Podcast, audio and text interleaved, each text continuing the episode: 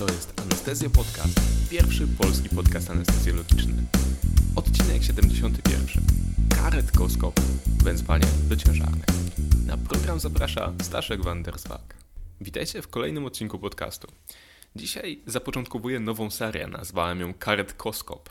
Ścisły związek anestezjologii ze Stanami Ostrymi sprawia, że w wielu miejscach na świecie, gdzie medycyna ratunkowa nie funkcjonuje jako osobna specjalizacja, tak naprawdę większość lekarzy w zespołach ratownictwa medycznego to anestezjolodzy.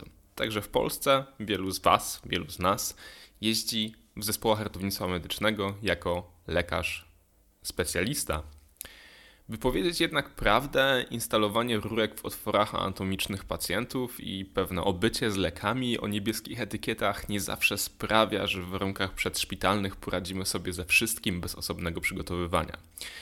Dlatego mój autoedukacyjny nacisk w ostatnim czasie kładę głównie na przedszpitalne stany nagłe i tym też spróbuję, spróbuję dzisiaj zainteresować Was. W pierwszym odcinku tego cyklu, który nazwałem Karetkoskop, mamy wezwanie do pani z brzuszkiem, bynajmniej nie spowodowane kodem ICD-10E66.0. Będziemy rozmawiali o kobietach ciężarnych i stanach nagłych, które w ciąży mogą się wydarzyć. Dzisiejszy rozkład jazdy w karetce jest następujący. Pierwsze wezwanie ciąża pozamaciczna. Dalej jedziemy do rzucawki ciążowej, do poronienia, przedwczesnego początku czynności porodowej, porodów w warunkach przedszpitalnych i na końcu jeszcze do tego wszystkiego do wypadnięcia pępowiny. Więc zapnijcie pasy, ruszamy na sygnale. Pierwszy przypadek dnia dzisiejszego ciąża pozamaciczna. Ciąża pozamaciczna dotyczy około 1% ciąż i odpowiada aż za 10% umierających w związku z ciążą kobiet. Ciężkie, ostre objawy występują zwykle około 8 do 9 tygodnia ciąży, gdy wzrastający płód robi się coraz większy i powoduje pęknięcie otaczających organów. No i tym organem, który otacza to jajo płodowe jest w większości przypadków jajowód. Do czynników ryzyka należą między innymi wcześniejsza ciąża pozamaciczna, endometrioza, obecność spirali, spirali wewnątrzmacicznej, zapłodnienie in vitro albo operacje ginekologiczne w wywiadzie. Jeśli przyjeżdżamy do takiej pacjentki, to główne objawy, które ona może podawać, to, są, to jest ból brzucha, który zwykle jest jednostronny, może być ciągnący, kłujący, kolkowy. Będziemy mieli silną obronę mięśniową w przypadku pękniętego już jajowodu i objawy wstrząsu również w przypadku pęknięcia otaczających struktur. Jeśli chodzi o postępowanie przedkliniczne, w pierwszym, w pierwszym rzucie musimy zdać sobie z tego sprawę, że kobieta w 8-9 tygodniu ciąży już zwykle ma y, świadomość tego, że jest ciężarna. Wobec tego u każdej kobiety ciężarnej wsparcie psychologiczne będzie ważnym etapem czy ważną częścią naszego postępowania. Oprócz tego powinniśmy ułożyć pacjentkę w wygodnej pozycji, tak żeby rozluźniła mięśnie brzucha, Adekwatna analgezja jest tutaj też istotna, czyli 1 do 2 gramów metamizolu i opioidy i profilaktyka lub terapia wstrząsu, duże dostępy dożylne, najlepiej co najmniej dwa i płyny dożylne. Taką pacjentkę szybko transportujemy do odpowiedniego szpitala. Co trzeba zapamiętać na dyżur, to to, że e, takie bóle brzucha mają bardzo szeroką diagnostykę różnicową. Nie każda kobieta będzie też wiedziała, że w ciąży jest, może przypuszczać, ale jeśli nie zbierzemy odpowiedniego wywiadu, to też tego się nie dowiemy. Także u kobiety w wieku rozrodczym prawostronny ból brzucha z obroną mięśniową może być ciążą pozamaciczną, a nie zapaleniem wyrostka. Także zbierz dokładny wywiad odnośnie tego, co z pacjentką może się dziać, zanim wybierzesz szpital, do którego z karetką pojedziesz. Wiadomo, że taka pacjentka, kiedy zostaje przetransportowana do szpitala ogólnego, które nie ma ginekologii, położnictwa, opóźnienie w diagnostyce i leczeniu będzie w tym wypadku znaczne. Drugie nasze wezwanie na dzisiaj to rzucawka ciążowa lub też i lub zespół HELP. Oba zespoły związane są z działaniem hormonów ciążowych i z wynikłym z tego podwyższeniem ciśnienia tętniczego i pewnymi powikłaniami narządowymi. Diagnostyka różnicowa tych dwóch zespołów w medycynie przedszpitalnej tak naprawdę nie ma specjalnego znaczenia klinicznego. Zespół HELP można rozpoznać tylko i wyłącznie na podstawie kryteriów laboratoryjnych. U podstawy zespołu HELP leży prawdopodobnie uszkodzenie endotelium naczyń łożyska. Ono powoduje wykrzepianie wewnątrznaczyniowe i różne tam inne stany z tą hemolizą, podwyższonymi próbami wątrobowymi i niską liczbą płytek krwi. Jeśli chodzi o takie stany w ciąży ostre związane z ciśnieniem wyróżniamy następujące stany. Pierwszy stan to jest nadciśnienie w ciąży, oczywiście wartości powyżej 140 na powyżej 90 mm supartenci muszą powtórzyć się co najmniej dwukrotnie w odstępie minimum 4 godzin i od 20 tygodnia ciąży wzwyż. Następnym stanem jest tak zwany stan przedrzucawkowy, gdzie dodatkowo do nadciśnienia mamy albo białkomocz, albo, albo i lub objawy uszkodzenia narządów końcowych. Kiedyś ten białkomocz był e, istotnym kryterium stwierdzenia stanu przedrzucawkowego, dzisiaj nie jest już tak więcej. Także wystarczy, że kobieta ma objawy uszkodzenia narządów końcowych i możemy rozpoznać stan przedrzucawkowy. Rzucawka ciążowa to jest stan przedrzucawkowy i dodatkowo napad drgawek Grand Mal. Zespół HELP, dodatkowo hemoliza z odpowiednimi wykładnikami laboratoryjnymi. Jeśli chodzi o główne objawy u takiej pacjentki, na co ona się będzie skarżyć? Nadciśnienie, napad drgawkowy, ból głowy, ból brzucha, oczopląs, skąpą mocz, do nawet bez moczu w zespole HELP, nudności i wymioty. Jak będziemy postępować przedklinicznie? No więc najgorsze, co z tą pacjentką może się w danym momencie dziać, to jest trwający napad drgawek, który musi być szybko przerwany. Wiadomo, że napad drgawek e, zwiększa zapotrzebowanie na tlen, a co za tym idzie, zmniejsza ilość tlenu, która efektywnie dostaje się do płodu, który też jest zagrożony niedotlenieniem w, tym całym, w tej całej historii. Lekiem z wyboru, jeśli chodzi o przerywanie e, drgawek w ciąży, jest siarczan magnezu, którego podajemy 4 gramy dożylnie.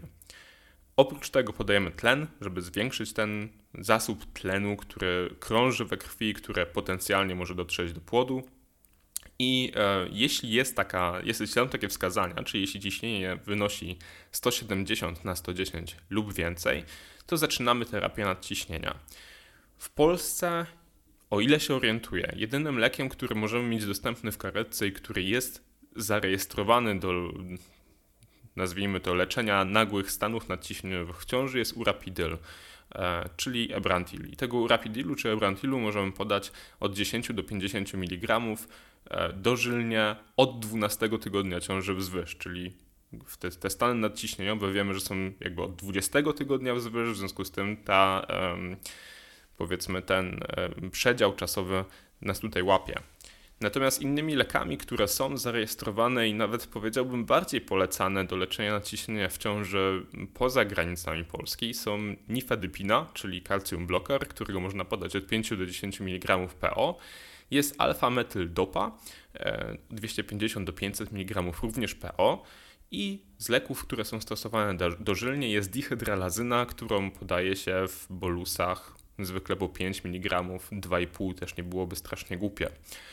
E, I najważniejszą informacją, jeśli chodzi o to postępowanie z nadciśnieniem w przypadku chociażby stanu przedrzucawkowego, to jest to, że obniżanie ciśnienia powinno następować powoli, żeby nie doprowadzić do tego, że łożysko będzie niedokrwione i płód dostanie jeszcze mniej tlenu niż, e, niż dostawał. Dodatkowo, jeśli chodzi o te e, objawy ze strony narządów końcowych, które mogą zdarzyć się u kobiety ze stanem przedrzucawkowym jest to m.in. obrzęk płuc. Jeśli taka kobieta będzie miała obrzęk płuc, no to wiadomo, że podajemy furosemid, żeby, żeby go zmniejszyć.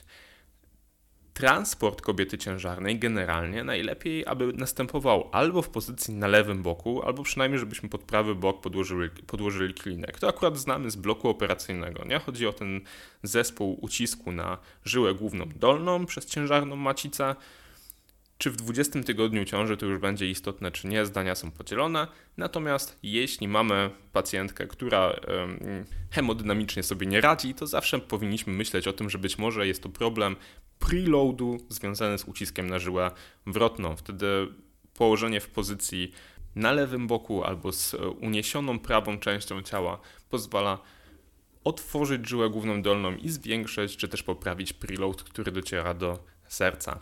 I taką ciężarną oczywiście również transportujemy do szpitala, ponieważ w przypadku chociażby rzucawki ciążowej jedynym efektywnym, definitywnym leczeniem jest przeprowadzenie porodu. Kolejne wezwanie, również wezwanie druzgoczące psychologicznie pacjentkę, to jest wezwanie do poronienia.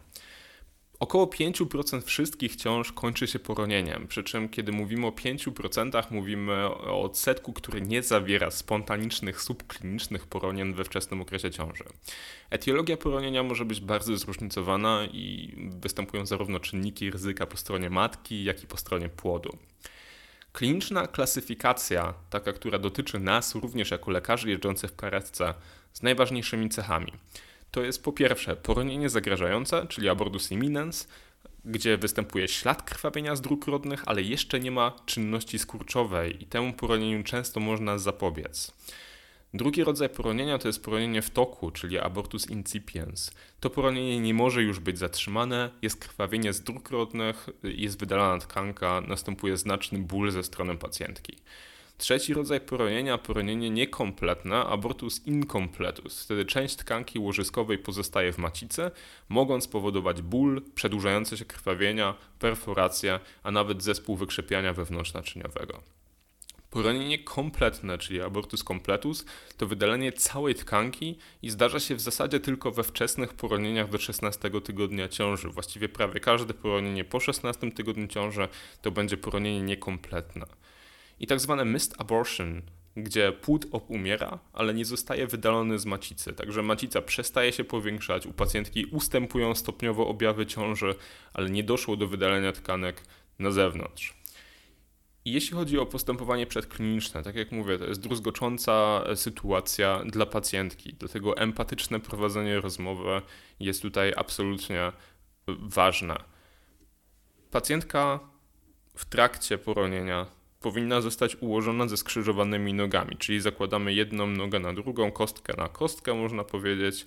E, to jest tak zwana pozycja Fritscha. Nie jestem pewien, czy w Polsce też funkcjonuje takie nazewnictwo, ale moje źródła takie określiły.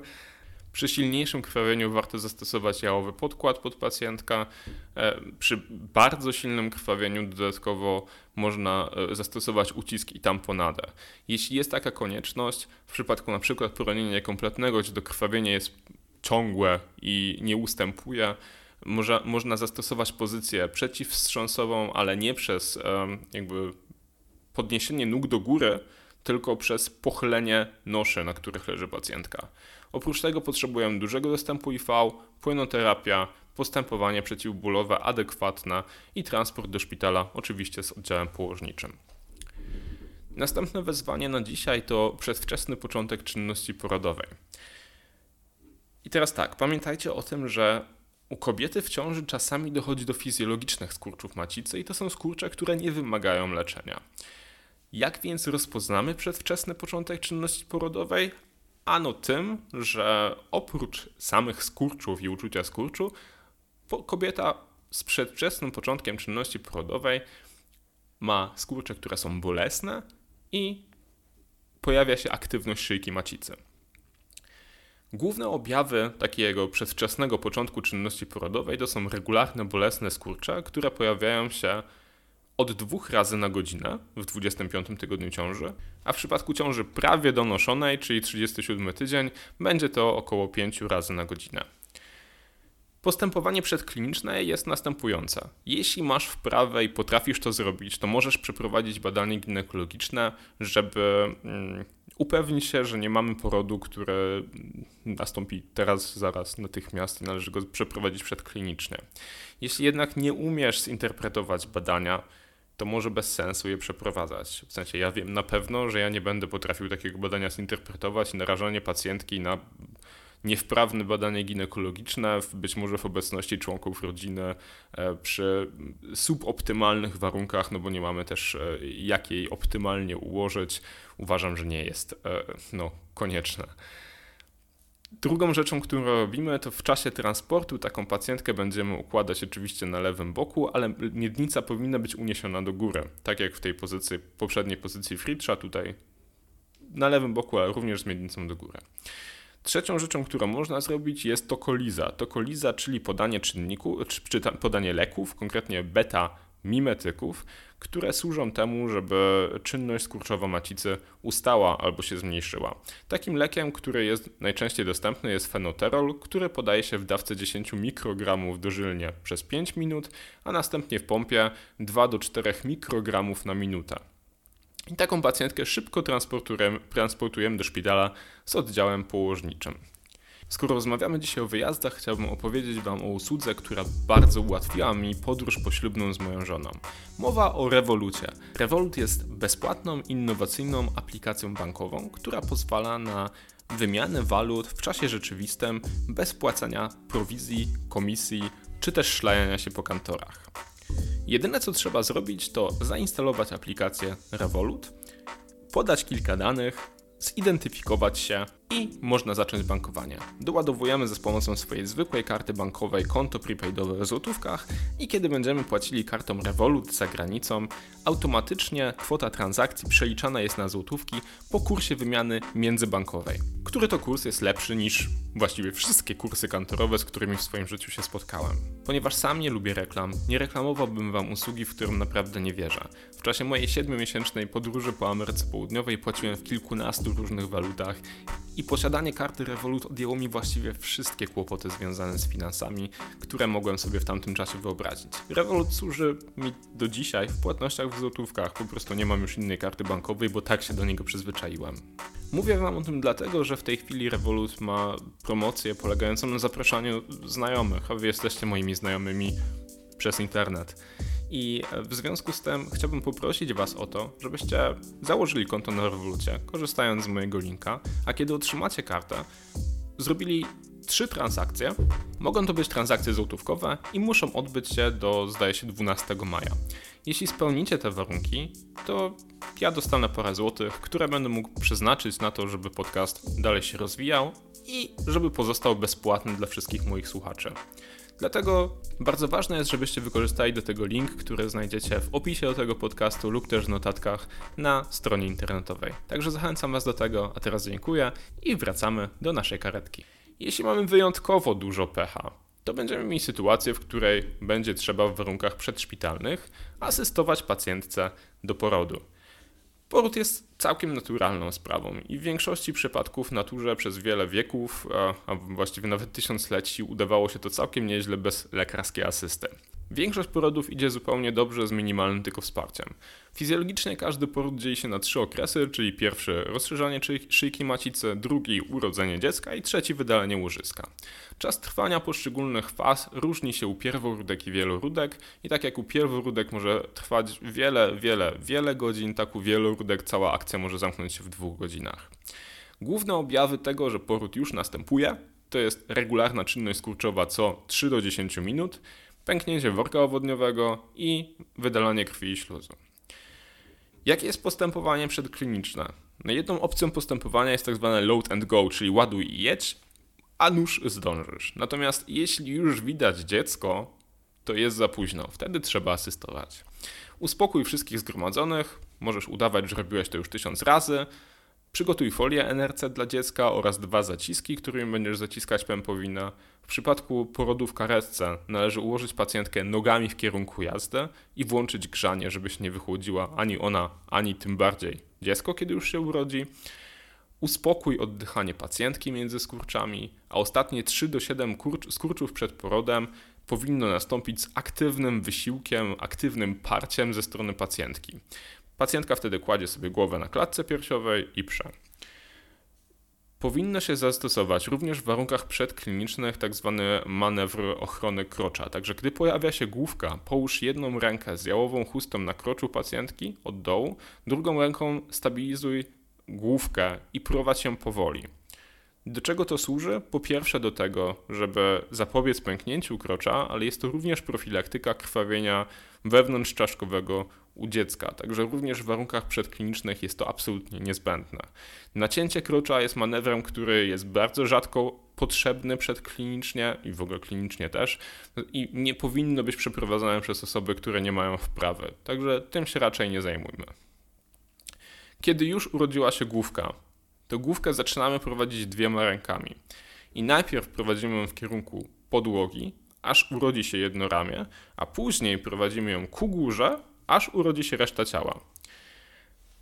Po urodzeniu dziecka zaczynamy obserwować pępowinę i obserwujemy ją przez około 1 minutę, aż przestanie pulsować. Wtedy zamocowujemy dwa zaciski. Pierwszy mocujemy 10 cm od brzucha dziecka, a drugi 5 cm jeszcze dystalnie od dziecka na pępowinie i przecinamy pępowinę sterylnym instrumentem. Oczywiście należy zanotować czas porodu, osuszyć dziecko i ciepło je owinąć.